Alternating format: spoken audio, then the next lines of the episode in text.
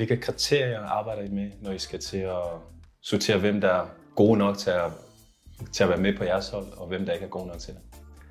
Men først og fremmest så tager vi jo selv til øh, Mellem- og Sydamerika, hvor vi får vores kaffe fra, så vi ligesom kan have en, vi kan se folk i øjnene, og vi kan have en direkte ja, relation med dem.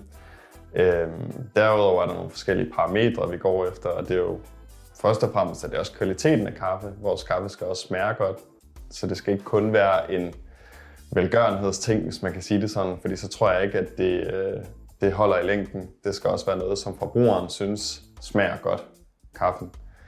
Øhm, så et af de parametre, vi går op i, det er blandt andet, at kaffen er dyrket som skovkaffe eller skyggekaffe, hvor meget traditionel kaffe det bliver dyrket på sådan nogle store marker, hvor der ikke rigtig er noget biodiversitet, og der ikke rigtig er træer omkring og dyreliv omkring.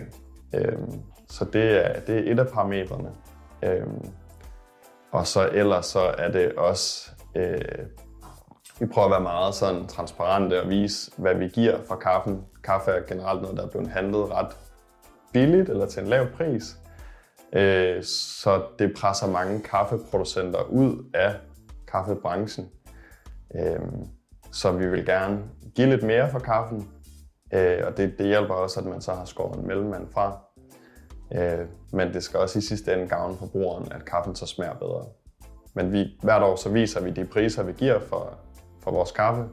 Øh, vi laver sådan en øh, bæredygtighedsrapport, hvor vi har sådan en ark med, hvor man kan se de priser, vi betaler til producenterne. Øhm, hvor vi sidste år lå 53 procent, tror jeg det var, over markedsprisen for kaffe.